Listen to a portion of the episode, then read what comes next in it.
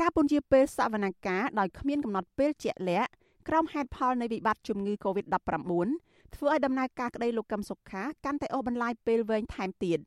បញ្ហាទាំងនេះធ្វើឲ្យលោកកឹមសុខាប៉ះពាល់ឬខាតប្រយោជន៍ធំសំខាន់ពីរគឺភាពយុត្តិធម៌តាមច្បាប់និងសិទ្ធិនយោបាយនេះបើតាមការលើកឡើងរបស់មន្ត្រីជាន់ខ្ពស់ផ្នែកអង្គការនិងតស៊ូមតិនៃអង្គការ Confrel លោកកនសវាង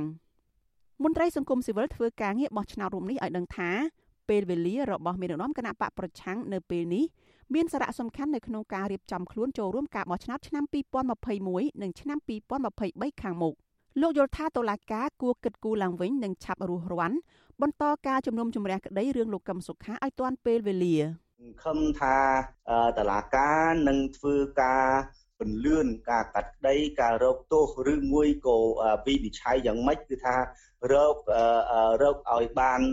ទាន់ពេលវេលាដើម្បីបង្កលក្ខណៈនៅក្នុងជីវភាពនយោបាយរបស់គាត់មិនត្រឹមតែផុសគាត់ទេសំបីតែអ្នកនយោបាយផ្សេងផ្សេងទៀតក៏ត្រូវតែផ្ដល់ភាពជ្រាលធម៌ដើម្បីឲ្យគាត់អាចមានលទ្ធភាពចូលរួមឬមិនចូលរួមទៅតាមអ្វីដែលជាការសម្រេចចិត្តរបស់គាត់ណាបាទស្រដៀងគ្នានេះដែរអ្នកវិភាគនយោបាយលោកបណ្ឌិតសេងសេរីសង្កេតឃើញថា ពេលនេះលោកកឹមសុខាមិនត្រឹមតែបាត់បង់សិទ្ធិសេរីភាពនិងសិទ្ធិនយោបាយប៉ុណ្ណោះទេ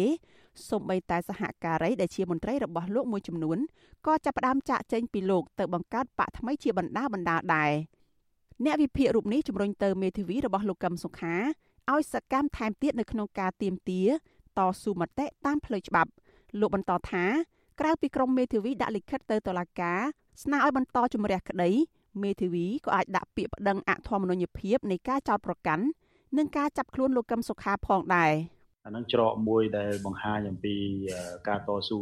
មតិឬក៏ការតស៊ូដើម្បីយុត្តិធម៌ខ្លួនឯងតាមប្រព័ន្ធតុលាការព្រោះយើងឃើញថារដ្ឋាភិបាលប្រើប្រាស់យន្តការតុលាការនៅក្នុងការនៅក្នុងការ កាត់ទោសឬក៏ក្នុងការធ្វើបាបទៅលើអ្នកនយោបាយដូចគ្នាអញ្ចឹងគាត់អាចប្រើប្រាស់យន្តការតឡាការនឹងវិញទៅទោះបីយើងដឹងថាយើងមិនទទួលបានយុត្តិធម៌ក៏ដោយក៏ប៉ុន្តែយើងដើរតួជាអ្នកតតាំងនៅលើសាយវិនតឡាការយើងកុំដើរតួជាជនរងគ្រោះអញ្ចឹងបាទ អាស៊ីសេរីនៅមិនទាន់អាចសុំការពន្យល់ពីប្រធានតុលាការក្រុងភ្នំពេញលោកតាំងសុនឡាយ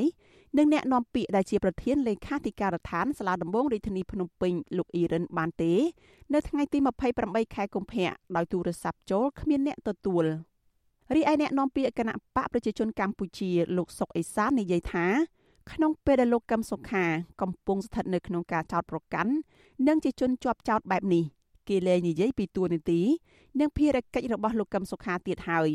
ចំពោះពេលវេលាសវនកម្មលោកកឹមសុខាវិញអ្នកនាំពាក្យបកកណ្ដាលអំណាចរូបនេះសុំមិនធ្វើអត្ថាធិប្បាយទេ លោកថានេះជាកិច្ចការរបស់តុលាការ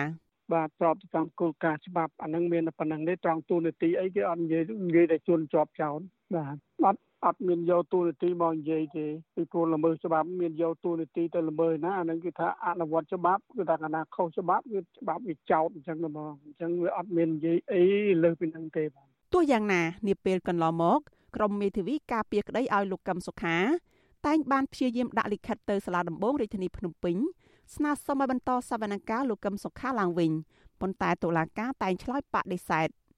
នៅលើកចុងក្រោយកាលពីដើមខែកុម្ភៈនេះ តុលាការបានប្រាប់មេធាវីការពារក្តីលោកកឹមសុខាថា